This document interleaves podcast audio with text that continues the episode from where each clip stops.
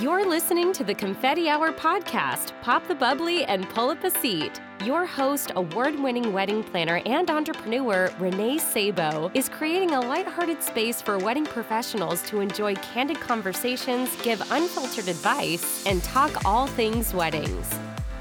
Before we kick off today's episode, I am excited to share that we are on Patreon and I'm calling on you, Confetti Hour Squad, to help support the Confetti Hour show with a small contribution of $3 per month.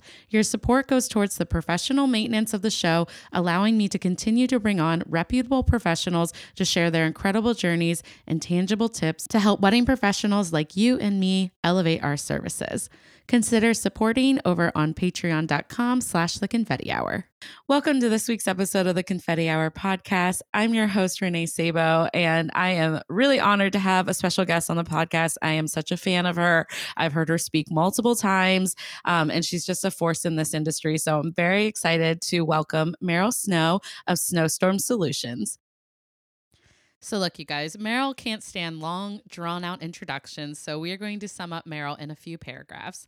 She wakes up each morning with a big smile on her face because she knows that her clients are crushing it. They're using what she teaches to reach their goals and increase sales within a matter of weeks, often even days, with laser focused techniques. This is much more than a job to her. She's on a mission to help businesses in the special events industry get to their path to success. Meryl doesn't only teach, she lives it as a planner, producer, caterer, and designer with three multi million dollar companies. Creator of the Triangle Method sales training platform for owners to maximize their sales team's efficiency, significantly improve qualifying and closing ratios, and increase sales by as much as 40%. Meryl is also the author of three top selling sales books and three how to design DVDs. Her philosophies have proved successful for not only her own business, but also many other companies, trade organizations, and universities. You guys are going to hear all about Meryl's journey, what her career has looked like and how she's become such an incredible speaker. And she's also going to be sharing tips on how to rock that stage. What does it take to become a speaker? This is a question that I get all the time. I'm in the speaker space. That's how I've met Meryl. And I'm always so inspired by her devotion to training the next generation of event professionals and fellow educators. You guys are in for such a wonderful episode. I hope you enjoy hearing all of Meryl's tips and getting to know her better. So, without further ado, please help me officially welcome Meryl. Hi, Meryl. Welcome to the Confetti Hour. Thank you, Renee. Thank you, thank you, thank you. Thank you. I'm so happy you're here. We're finally getting to record, and I'm just so excited about this topic, too. Me too. So, to kick us off, I am going to ask you all about you. I know that you are uh, like a force in this industry, like I said, and you have a lot of experience, you know, from planning to catering, but also you're in the creative education space. So, I like where to start. I don't know, but I kind of walk us through what your career has looked like and how it led you to where you are now. It certainly has evolved. And right and I'm not using the word pivot because it has pivoted throughout the years too. But I think, well, when we first started, we were really young. We were just out of college. And my husband and I, well, he, yeah, we just got married. And um, we were going to start a string of gourmet delis. Now, at that time, because this is in the late 80s, there was no such thing as a gourmet deli or an artesian deli or anything like that. They were just delis. But we thought, wouldn't it be cool to have just like this kind of really cool, hip um, food and whatnot? So we were going to start this this deli, and we, we found one in near our near our house, and um, we put an offer in, and he accepted it. And then about a month later, he called us up, the owner, and said, I have to raise the price $25,000 because of capital gain.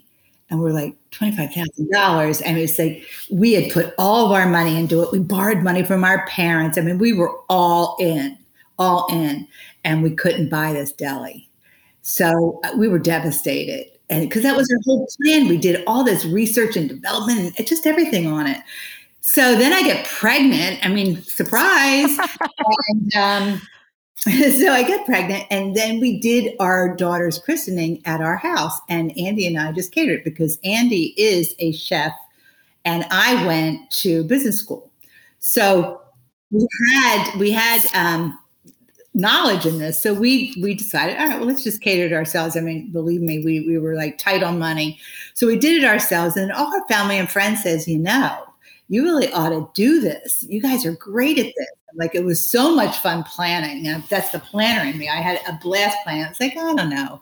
So we did our research and development on it. And then we found out that caters in the late 80s, it was, they were like the redheaded stepchild it, it, it really was. It was like when you did a, a, a buffet, it was like this banquet buffet with this ugly skirting and chafing dishes and like the food was like steam table food.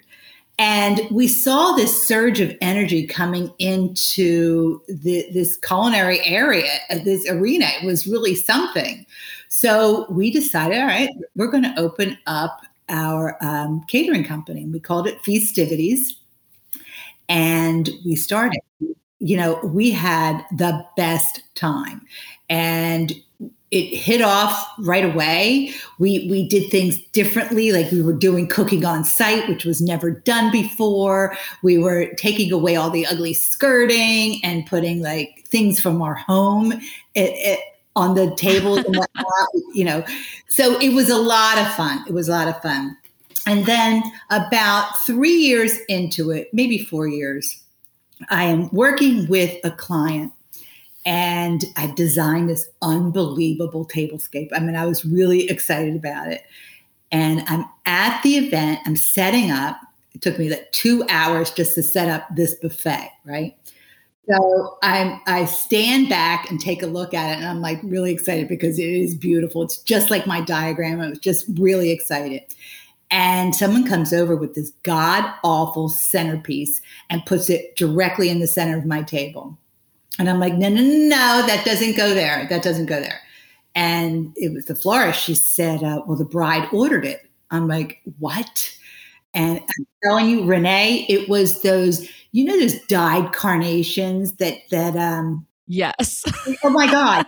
They were orange, and then you could see the dye coming down the stem. I mean, this is how awful it was. Yeah. And I was like, no, no, no. she said, I'm sorry. She paid for it and she ordered it for the buffet.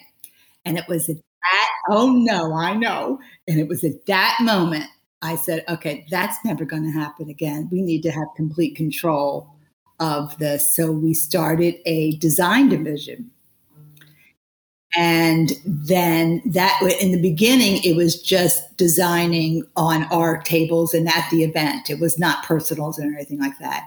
And then it evolved to we started to do the personals and we had we started um, a company called OffShoots design and decor. And we uh, eventually did lighting and we you know it just just grew grew. It was perfect.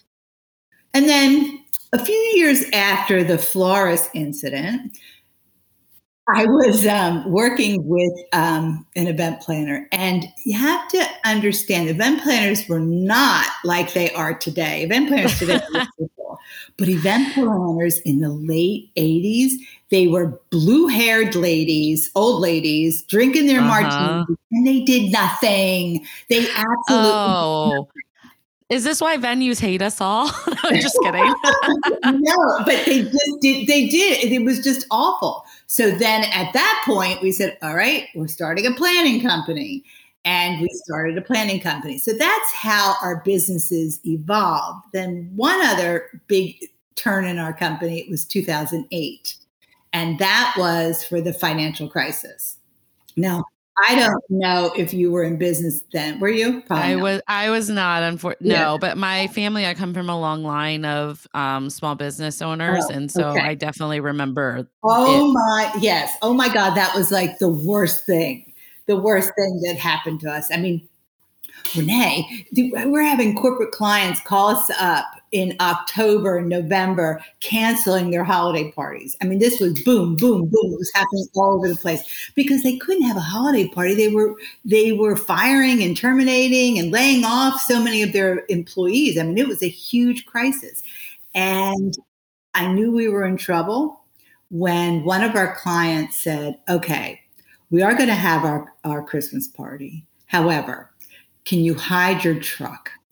Because they didn't want them to think that their guests to think that they were spending a lot of money because we were a higher end caterer, right?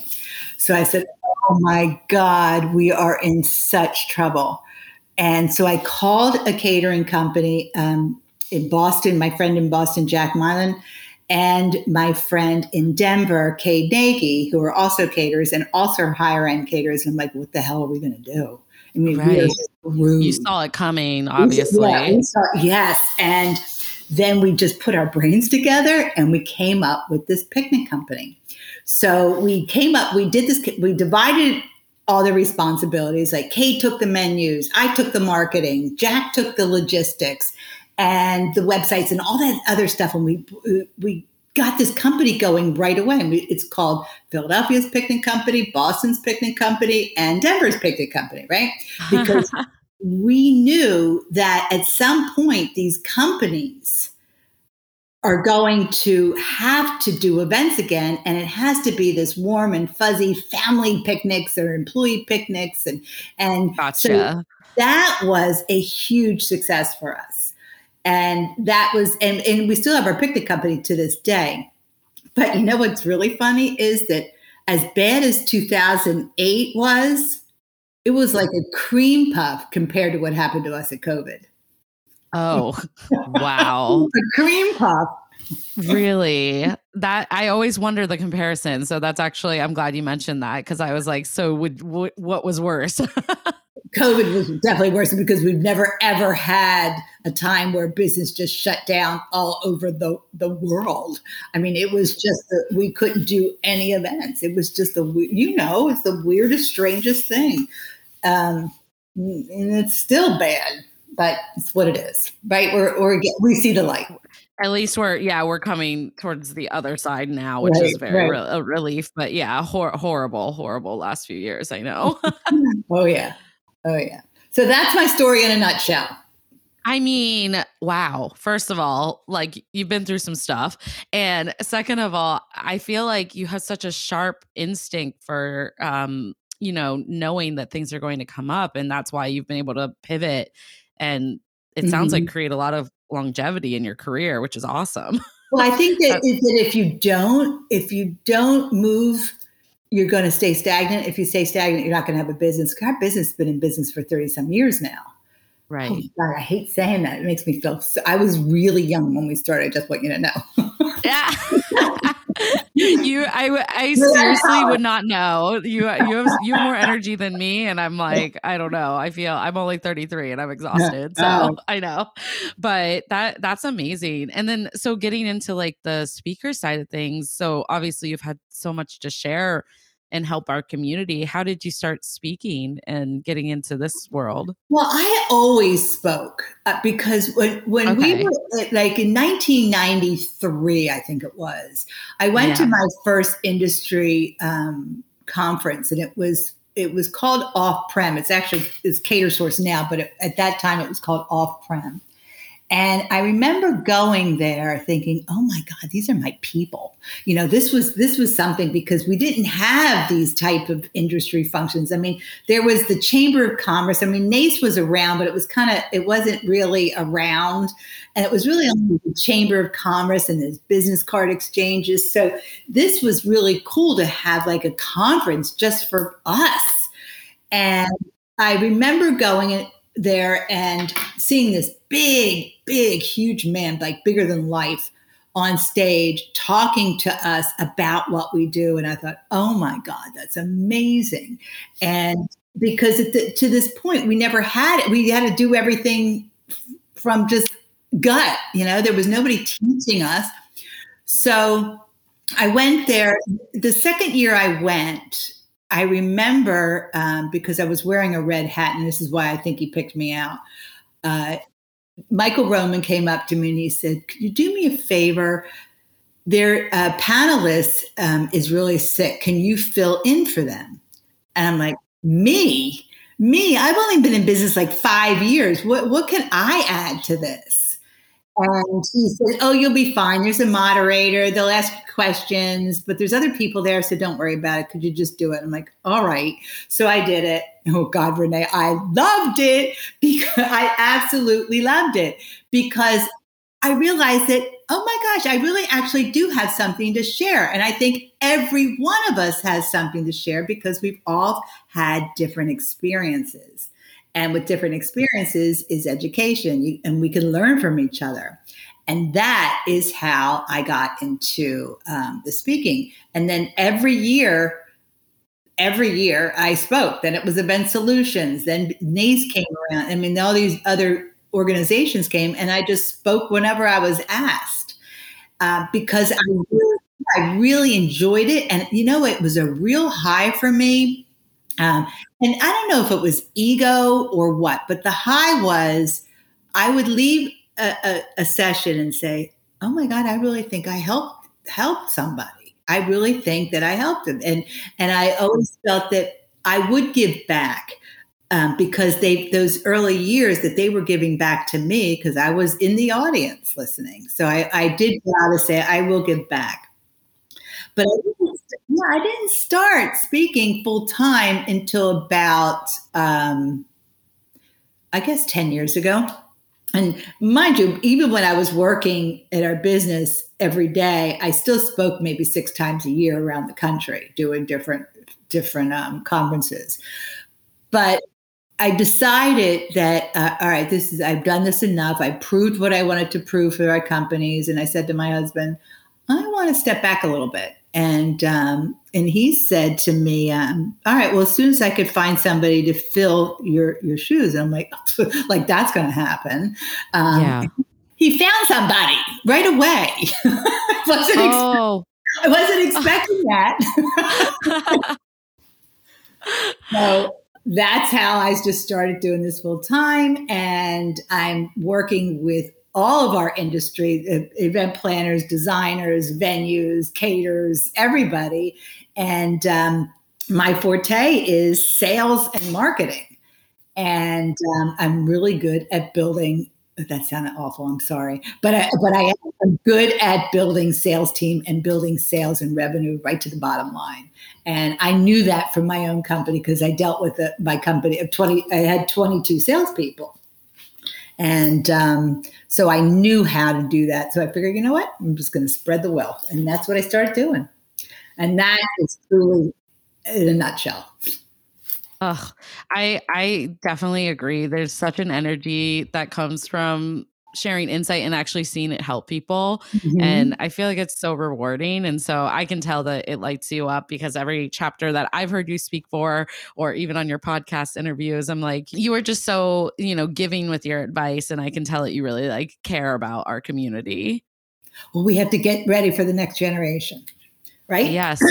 and you are you are the next generation and your age group, which is wonderful. And, and I got to tell you, it's it's impressive to see this next generation and, and how how good they are and ethically good. That's the other thing. When I was first in business, there was a lot of like pay to play. You don't hear that anymore, you know. Um, and there was a lot of like ethical things that I hated. But Uh, this new generation, it's great. I don't see that anymore. That is really nice to hear. I I I was kind of infused our my generation getting bigger in the industry and i do think that we have such a well-rounded group of professionals because so many of us were able to start out like you at a very young age and come into the mm-hmm. industry from college um, or even before college you know right. like doing work in the summer yeah, uh, but it is really nice to see and uh, but i think that we owe it to like i owe it to every mentor that i've had you know in the generation before me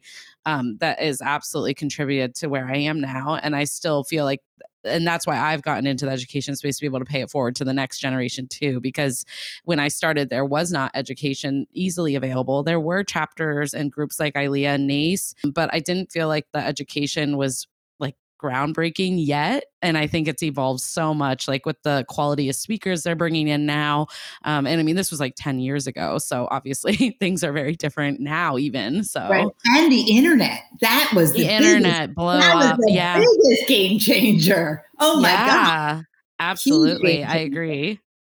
So crazy. And well, I mean, so g- given like that this is going to be our topic today, I feel like this moves us into it so beautifully. But, mm. you know, we're you're going to be chatting with us about rock that stage what does it take to become a speaker mm-hmm. and i am really grateful that you're here to talk about this i've never had anyone talk about this on the podcast. We've talked about pitching to podcasts or creating courses and things like that. But I always get this question, and I know you mentioned that you do too, but a lot of people like to know how did we get involved with speaking? And it looks like it would be a very simple, like, you know, we just got asked to talk and then we threw a presentation together, but there's like a lot that goes into it. it there is. And and I could shortcut it for you because a lot of people, you know, a lot of people want to do it. They're in the audience. I see them in the audience every year, year after year, and they keep asking me the same question How can I speak? And I was like, Why are you still in the audience then? You know, um, and there, right. there's this fear. You know, there is this fear and this, they feel like the imposter syndrome. And I'm like, they got to get over that they have to because it's how you share your ideas with the large number of people and you stand out from the crowd and you get visibility in your field. And the other reason why i did it selfishly but to to speak in front of these groups is that locally in my market i was able to say i am teaching caterers how to cater. Well what what better what better um, testimonial is that? Um, right? or um, I love so, that.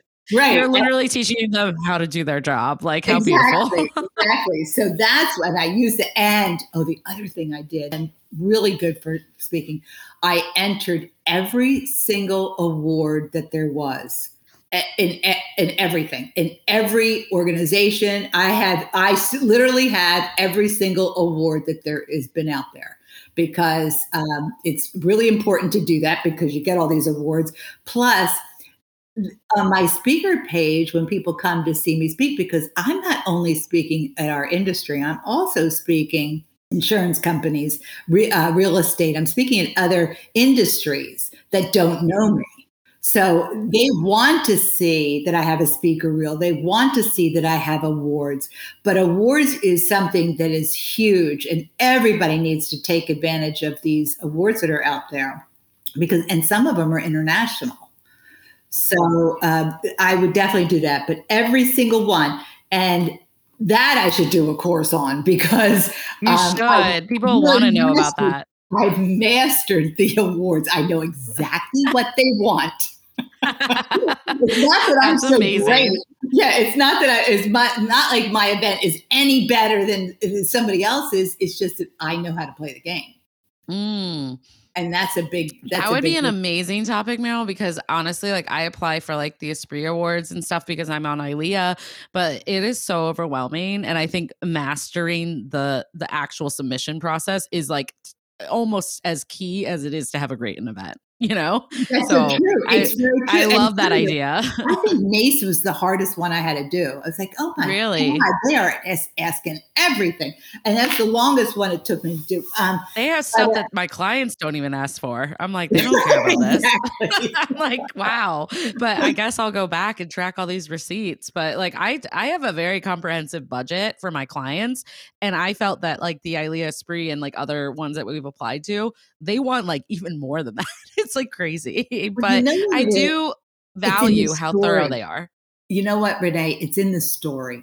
You it it this is how you're going to win these awards. It's the story. Yes, you have to have great pictures and it has to be a great event. But hey, look, if we're all entering these, we're all doing great events. So what makes one better than the other? It's the submission, is basically what it is. And knowing how to write it and submit it is um, truly how you're going to get picked. And then it comes to the point where I've been asked now to judge um, these awards because I stopped. Well, I said once I get every award, I'm going to stop entering. And boy, was that a relief! That was a pain in the ass entering all these awards. So, but so then they started asking me to judge, and I'm looking at these submissions, and I'm thinking, this is such a great event. They're not following the rules. I can't give them points for that. They're not doing this. You know, they're not taking the time to submit properly. And this is why I think a lot of people get taken out, or they have shitty pictures, or um, their story is I, I, I, we, we, we are so fabulous, and, and nobody wants to read that. So um, it is truly an it, it's truly an art to do this. to yeah. I mean, it really is. It, it, takes a lot of like intentionality and yes. care and and balance. I mean, you have you're obviously you have a lot of other you know hands in different areas of the industry with your businesses, and so mm-hmm. like for me, speaking is not my full time gig. Although for you, I think it's a little more than me right now. Yeah. yeah. which is great, and I would love. That's kind of why I've started doing that early on. That's in my good, career Renee, because, yeah. you need life after planning and right. there's a whole I can't do career. this forever. yeah, exactly, exactly. And there's a whole other career for you for this, um, and, and especially yeah. with podcast. Well, I'm really glad you started your podcast so early. That's good. Thank you. Thank you. I am too. I I and it's like you, you know, it's never too soon to start. It was a little exactly. scary. You have imposter syndrome, but yeah. at the same time people are asking me these questions and I yeah. am happy as I'm happy to be a planner and and be that person in the industry that people feel are welcome to come up and ask me those questions. So if we right. can help on a larger scale like a podcast or a topic for a speaking engagement like i find a lot of joy out of that. This is my mm-hmm. i love this industry and so it is you know it's really rewarding. Well uh, with the speakers though like so uh, obviously i'm going to let you dive into more of your tips because i feel like you have so much you know tips on how people should get started on the right foot with speaking. Well I, I i think that they have to really really think about it like do some homework and really think what are your intentions for speaking? Why do you want to be speaking? And in the beginning, it to me it was okay. I can market the hell out of this at home in my market, and that's where I that was my intention in the beginning. I'm going to be honest with you. I could say, oh, I wanted to help people. That that came later, but my intention was to to broaden myself and raise myself up in my own market, which it did. That was huge. That was really big. And that I saw a big jump when I was able to market that I was speaking internationally and nationally, teaching designers and caterers and planners how to do their job. And that's basically exactly what I said. So that was my intention then. Then my intention later was okay, I truly want to make this these these businesses thrive. And I want them to see change like that. And that's why I went into the sales thing because without sales, you don't have a business. And I knew that I could change. Like I, I saw what I did with my own company. And I, then I saw what I did with like my friends' companies that I would help them. Then I would, you know, it just evolved. So finding out what you really want to achieve as a speaker and what is the end goal. Now I'm living my end goal right now because this is exactly where I was uh, thinking that I wanted to do um, when I started.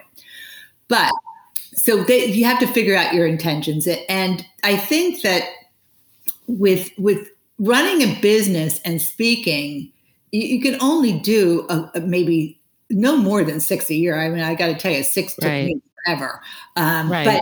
But I'm stepping ahead because you got to get on that stage first. uh, but I, there's there's different types of presentation structure that people have to think about. Like, they, do they want to be informational? or persuasive or entertaining or you know demonstrating something or um, informational or, or, inspirational and emotional so there are these different types and what is important is that i think you start by summarizing your entire speech in one sentence like what would it be if you had to do that and then you think about what do what is it that I want them to to walk away with, and once you you can nail that down, and you're not going to be able to do it like that, you got to really think about it. Then you can do the structure of the outline of the of the speech, and there's different types of that. Um, I mean, you could use PowerPoint. I think people um, are use PowerPoint too heavy where they write everything down on their PowerPoint and it's like, why don't you just give me your PowerPoint, not speak? Because they're just right, right. um, or you know, uh, and to keep it interesting, people have to remember that you only have 10 seconds for when you get up on that stage to capture them or you're going to lose them. And when people people go up, and here's a good tip: when people go up on the stage and they eh, you're introduced and, and they say, "Oh, how's everybody doing? Well, thank you for having me. Well, what I'm going to talk about today, you lost them." Right? Go right into something exciting. Do a fact, do a, a, a story, do something. Eh, look, you don't have to say, like, a lot of times I hear people say, and my name is Meryl Snow, and I have been doing this, this, and this. I think could read your damn bio you know you don't you only have this time to really make it an impact. And we've got to get out of our heads of thinking how wonderful that we are and not talk about what you do like the removing i out of your speaking like what i do is you got to get rid of the i. What you can do is and then if you do that that doesn't put a wall between you and the audience. And I think that the audience wants audience wants wants to feel that you are one of them. And you know what? You are, especially in, uh, in, at these um, these conferences that we do. We're all the same. You know, we all do it. It's just one person speaking about their experiences. But even when you're talking about your experiences, you don't have to say what I did there's one thing you know there's you could use different words you could use instead of i i we we you know? Right. I like that tip actually because i think that it's about kind of broadening it a bit and being mm-hmm. inclusive and so I, I, like that a lot. Yeah um, and they have to you have to show that you have passion for what you do. Like there is I, i've read different um, you know how they do those um, reviews for each speaker? And i've read like some of other speakers and whatnot and, and and it bothers me because the audience picks up on it right away that oh this guy has such an ego or do i have to see every single picture he did on this event and I didn't learn anything. They were just bragging. And to me, that's huge that you did not connect with that audience. They need to see your passion and your purpose. And yes, they do. And they need to see the topic that you're talking about. But if you overdo it, you're just, it's, I think what I think happens is not that they have these egos to, sh- to, they go up on stage and say, "Hey, I'm going to just tell them how wonderful I am." I think they there it's little bit of an imposter syndrome that they think, well, I got to show them exactly what I do because I have nothing else to show them. And that's not true. Yeah. Interesting. I do think that people do that. yeah. I, I, I, and I see it and I see it a lot. And, you know, I see also the reading of the PowerPoint slides, you know, the reading of the PowerPoint slides drives me oh crazy. Oh, and it's something if you don't know your topic through and through, that exactly. is why people are reading it or they don't feel confident, like you said. And it's, you know, th- that should be the biggest thing that when you're starting to speak, you should want to speak on things you feel confident about. So, exactly. like the slide is just really a visual and a to to keep it's an outline. It you, it's it an outline. Yeah. yeah. It keeps yeah. I I think that's really really shows the difference between someone who has put a lot of thought and intention into what they're sharing mm-hmm. as opposed to someone who's like speaking off the slide you know or or someone exactly. that's you know not comfortable speaking because public speaking's a little scary and i even i'm an extrovert and i still get nervous going on stage uh-huh. but uh-huh. i feel confident in what i'm sharing and then you just kind of sink in and it feels so good you know so i think that you know if you're feeling like shaky or you're reading off your slides too much like maybe just take the time to get really familiar with your content mm-hmm. and you would feel 10 times more confident. Yeah. And, and especially love that. just practicing. I mean, taking your iPhone and record yourself while you're doing your speech at home and say, and you look at it and you'll say, oh my God, I said so many ums, or I'm not standing straight, or, you know, just these little things that, you know, the, the body language is such an important part of our world and how we how what body language that we're giving and what body language i mean i could really feed off the audience and I could tell, shit, I'm losing them. I got to reel it back in. Or, you know, if I see their phones coming up or something like that, that's that's something I got to act very quickly on. Um, but it's my body language too. So, like, if if I am standing at the podium, which you should never, ever, ever do, um, stand at the podium and either look it down at your computer or just hold on to the podium, that is, it's just reeks of insecurity. And you got to move away from that podium and walk around. I go into the audience. I mean, they you just want to show them if you're confident even if you're faking confidence, which is okay to do, because I used to right. fake it. You fake it till you make it. That's the, the um, Absolutely. And you just fake it because it's even just like scrunching up your shoulders. You know, that just makes you like, you, you know, when somebody says hi, you know, they're scrunching up their shoulders and they're that showing you're not confident. But if you lift up your neck and, and you say, hi, how you doing? You know, it's a big difference. It's just these little things and, and learning this. And this is something I learned not for speaking. This is what I learned in sales. This is how what I teach my salespeople. You know, you've got to be, you can't have anybody walk all over you because a lot of my salespeople were in their 20s you know and i have a, a, mother of the bride in her 50s walking all over my my salespeople no that's not happening you know so i had to teach them how to get the respect that they deserve because they're professionals. Mm, hmm That's such a good point. I honestly think that the speaker community is a lot more connected than people think too. Yeah. And so people hear, you know, who's helping who, or if that person has, you know, done their networking or researching. So I think that's really interesting. but yeah, it, it's it's true. It's true. The other thing is telling stories. Stories is a huge, huge part of this because the, when you think about it, it storytelling enables you to develop a deeper connection because our brain is wired it, like a memory sequence. It, it's a it's a predictability organ. Like for an example, like you're in, driving your car, right? And you uh, the rate uh, you had the radio on and a song comes on and you haven't heard it before. So your brain pops up and says, huh, I haven't heard this before. And it listens intently, right? So now you're driving the next day, that same song comes on. And now your brain says, oh, yeah, I heard this song before. And it doesn't listen as intently. And this is why storytelling is so important because you haven't heard the story before. So people will listen to a story. And as long as it's it's a good story and it has a point, and I I teach a lot by storytelling as an example of things because it just drives it home so so much rather than me saying boom boom boom boom you got to do this you got to do this you got to do this you got to do this why are you doing this you know that doesn't work that way so storytelling really works. Yeah.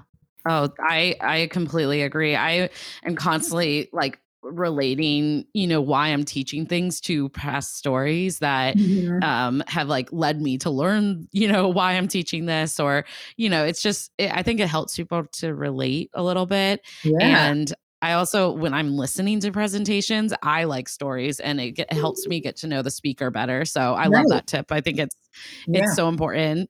Um, kind of how people are like that people want to buy, you know, when we're talking about social media, people say, I want to buy from a person. It's the same thing with speaking. Like mm-hmm. another reason not to read off your slides like just be personal share stories and um, be personable i should say mm-hmm. right right yeah these are all so helpful. I I I really I think that there's so many opportunities out there for speaking and if you do want to implement that into your business, you know, I think these tips will help you do it in a professional manner and be really successful. Um, which is amazing. Do you have anything else though that you wanted to add, Meryl? Before yeah, I, I have two big two big things. okay, perfect. I'll let the, you keep going. the call for speakers Mm. And this is something that I hear often like, oh, I applied, but I didn't get selected. And I said, well, send me what you sent in. And um, they they sent in a you know paragraph of what they're speaking about. Nothing really grabbed my attention there. And then if the the conference director doesn't know them, then they're not going to select you until they do know you. And and, and it's like a it's like a, a circle because you can't get on stage until they know you, but you can't be known until you get on stage. So it, it's very hard, right? It's very hard. So what I suggest them doing, well, first of all, the the topic has to be what they're looking for. And what they're looking for is anything in business, basically, right? But don't do a topic that's oversaturated, like um, like trends or something like that, because what would make an unknown speaker talk about trends, you may not get selected for that. You know, you know what I mean? So pick something that you know you you're not you don't even have to be an expert on something that you can talk about all right and then do a really great synopsis with um, four bullet points of deliverables so that's the first. Okay so filling out the form is is fine but you're never going to get selected if you if you just fill out a form. What you need to do is two things. Number one do your presentation on your iPhone and submit that.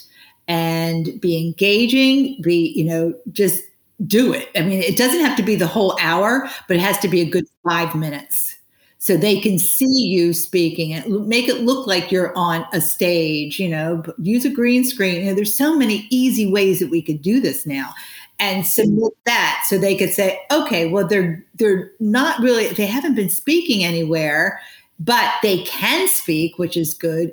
Good. I'm going to get this one because they're not haven't been in the circuit. So that means it's a new speaker. You know, that's how Terica started. You know, she just, you know, she just got in there and she you know, she's great. But would they have given Terica, you know, because she was one of like a hundred.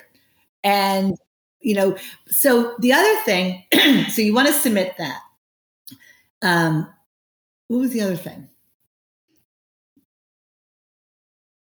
Was that two? I'm like, yeah, two. Yeah, I was like, I think that was two yeah, things. Yeah, because you want to submit that and you, submit yeah. And it, right. Oh, no, there is three. Okay. Oh, okay. The other thing is, um, so I know of a, a good speaker because I, I, said to, I, I, I met somebody, I said, you know what, you would be awesome on stage. And they said, Really? And I said, Yeah. And they, they said, Well, I've applied. And I said, Yeah, but uh, you got to do it a different way. And I said, let, let me see you do, uh, you know, I, I, asked her because I'm putting my name out there. Um, let me see you do like five minutes of what on your topic. And she did. And so I said, okay. So what I did, so what I did is I emailed the conference director and said, I can vouch for this person. I've seen them speak and they're really good. Or I can Yes. And, but see, you can do that. So, Renee, let's say, I know you work with Megan, but let's yes. say, and that doesn't count. Um, right. Do you know what I mean? Like for a speaker that doesn't have that um, ability to do connection. That. Yeah, connection. exactly. Right. They would go to another speaker that may have heard them at a NACE meeting or something like that and say, and, and you know that they're a speaker, they can do the same thing for you. So that is something is is use your connections is basically it. And you know, I got a couple people on there. It's like I heard somebody speak that was even in a different industry. I heard them speak. I thought, oh my God, they'll be so great for this audience. But they would never just pick somebody willy nilly. Not no, they they don't have a track record, and there's a lot on the line um, when hiring a speaker because you don't want to get the bad reviews. Yeah, it, it is hard and it's hard to vouch for different people that want to get into the space too because i just always want to make sure you know that they're gonna represent well i guess because you know it is it is it is a hard circuit to get into especially some of these like bigger conferences and stages and so if someone is you know going out on a line for you to recommend you like you also owe it to b- both you know the conference and that that person to make sure you do your due diligence prepare and you know follow their deadlines and you know be a really like supportive person share their social media promote the event you know there's just it's a lot more than just showing up and speaking. Exactly it's, it's, yeah i love those tips that that's so so so helpful. I've even learned some for myself this this so i feel like it's a good refresher for me as well. Good. Yeah it never ends. I i love it. Thank you so much for sharing all your wise tips uh-huh. with us. And well of course i want to ask you because you probably has several ideas of what you could say to this question but uh, what do you wish other creatives knew or what do you wish other vendors knew? You know just kind of a tidbit of something that could help the industry be better if people knew this. You know, I, I think that we are in this business because we have a true passion for what we do. Our whole industry, all of these creatives, I mean, whether we're musicians or photographers or florists or caterers or planners, we're in this because we love what we do. But the biggest thing is that that doesn't mean we're business people and I think understanding business. So I think the best advice that I could give somebody is to take some business courses or run, make sure you're running it like a business. And I think that was the best advice my father gave me when we first started our company. He he said to me, I understand you're running an event business. However, you need to run it like a business first and that happens to be an event planning business. So that was that was really good advice. And, and, you know, when I when I say, "Oh, just throw on another flat of wheatgrass," no, that's that's not a business decision. So I think that is probably the biggest advice that I can give people is to really run it like a business. Oh yes, I'm so happy that that was your what you wish other mm-hmm. creatives mm-hmm. knew. It's a struggle for me as a planner, and I'm sure get, coming from the planning and catering oh. world that you see, it's like I want to cheer on so many creatives and I want to work with them, but mm-hmm. it's also a reflection of my business if I partner with you.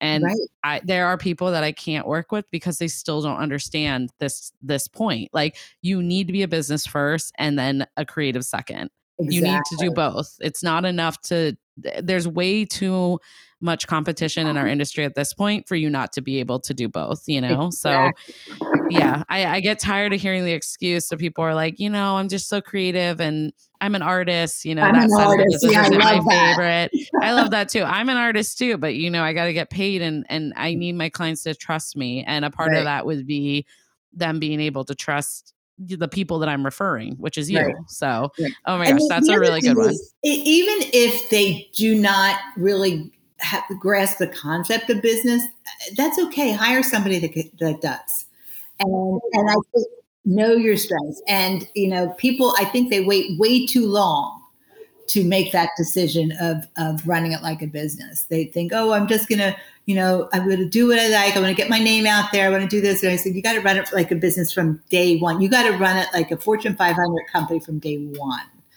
And once you do that, even if it's just everything's on small scale, you're really going to see your business flourish and you'll have longevity. Yeah. Ugh, I love that. Honestly, such good tips. And it's it's honestly it seems like it's daunting but it's really not you know? Just take the time to if you if you can't handle something on your own like i am a mess with my bookkeeping. I just know that's not my strong suit. I'm better at shopping than i am saving. Yeah, It yeah. is what i am you know?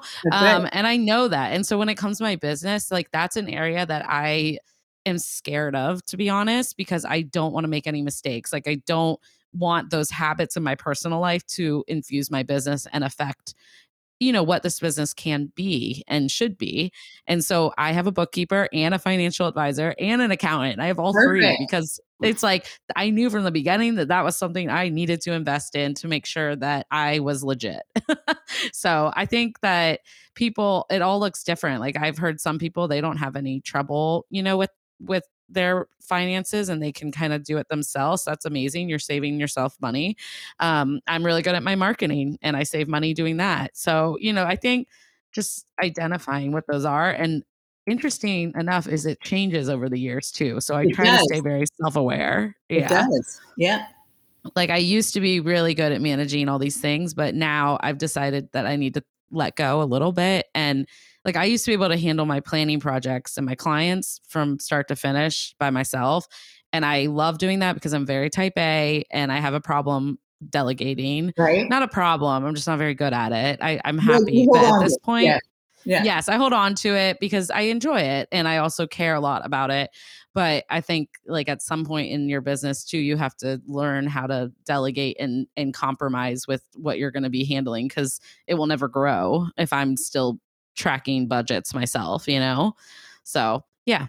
Anyways, I love those tips. That's really good. Um, okay. And then I also want to ask you if you have something silly, like a confetti hour confession for us. Something's ever Oh, happened. Oh, I have You lots got of those. those. Yeah.